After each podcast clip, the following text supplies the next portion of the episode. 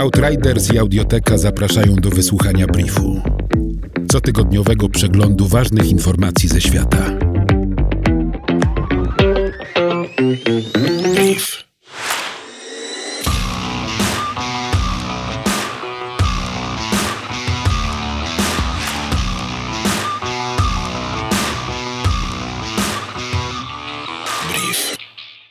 Serbii, Chorwacji, Czarnogórze oraz Bośni i Hercegowinie powstał bałkański odpowiednik ruchu MeToo, po tym jak kilka kobiet oskarżyło o gwałt i wykorzystywanie seksualne znanego reżysera i nauczyciela aktorstwa. W Sarajewie natomiast pojawiła się inicjatywa Nie prosiłam o to. Uważamy, że jest to czas na akcję uświadamiającą, że molestowanie seksualne i mizoginia są obecne w każdej komórce naszego społeczeństwa, mówi pomysłodawczyni inicjatywy inicjatywy.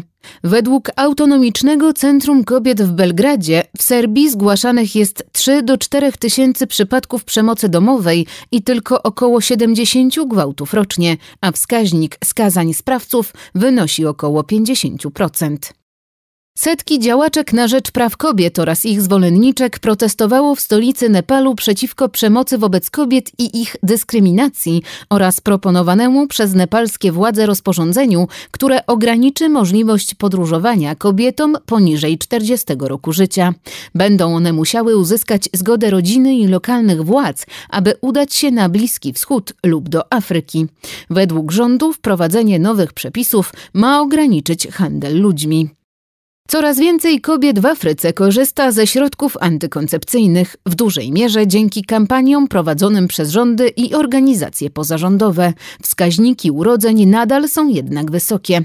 Według raportu organizacji Family Planning 2020 liczba Afrykanek stosujących środki zapobiegające ciąży wzrosła od 2012 roku z 40 do ponad 66 milionów. W Rwandzie pracownicy startupu Kasha korzystają z motorowerów, aby dostarczać do wiosek prezerwatywy oraz inne środki antykoncepcyjne. Prezerwatywy można zamawiać przez wiadomości SMS, podobnie jak na przykład w Kenii. Z usług korzysta już 20 tysięcy osób. Brief Outriders.